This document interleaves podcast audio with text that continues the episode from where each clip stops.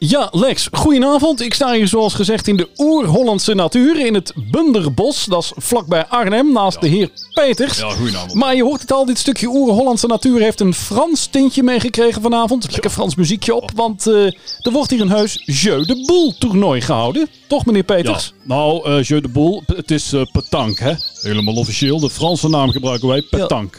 Hè? Ja, en Dus- dat is voor, voor een goed doel. Vertelt u eens. Ja, nou, er zijn door de coronacrisis veel bedrijfstakken in de financiële problemen gekomen. Zo ook de, de bloemenbranche. En wij zamelen door middel van sponsoring met dit toernooi geld in voor die bloemenondernemers. Waar ik er zelf eentje van ben, toevallig, eh toevalligerwijs. Dus, eh, Ja, ja, ja. Want u zit zelf in de bloemen, hè? Ja, ja, ik zit zelf al jaren in de bloemen. Ik heb in Margrieten gezeten, in Roos heb ik ook nog eens een avond gezeten. Dus veel, veel ervaring. Ja, en, en waarom dan nu een, een Jeu de Boel toernooi, als Nou, ik vragen mag? Nou, nee, petank dus. Hè. Nou ja, omdat ik zelf met wat vrienden al jarenlang de vereniging eh, De Boel De Boel eh, bestier.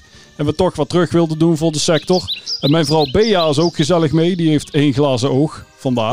Eh, eh, die moet u even uitleggen voor de luisteraars, denk ik. Nou, zo in het, in het donker spelen is natuurlijk niet makkelijk. En dan eh, raakt dat kleine balletje wel eens kwijt in de bosjes. En dan plopt Bea zo, hup, dat glazen oog eruit. En dan kunnen wij weer verder spelen. Hè. Dus zodoende. Aha, op Ja. die manier. Nou Ja. Lex, je hoort het. Een mooi initiatief om de bloemenbranche in Nederland financieel een hart onder de riem te steken met Zeker. dit petank-toernooi. En, en heeft dat toernooi nog een speciale naam meegekregen, als ik vragen mag, meneer Peters? Jazeker, dat is petank voor die bloemen.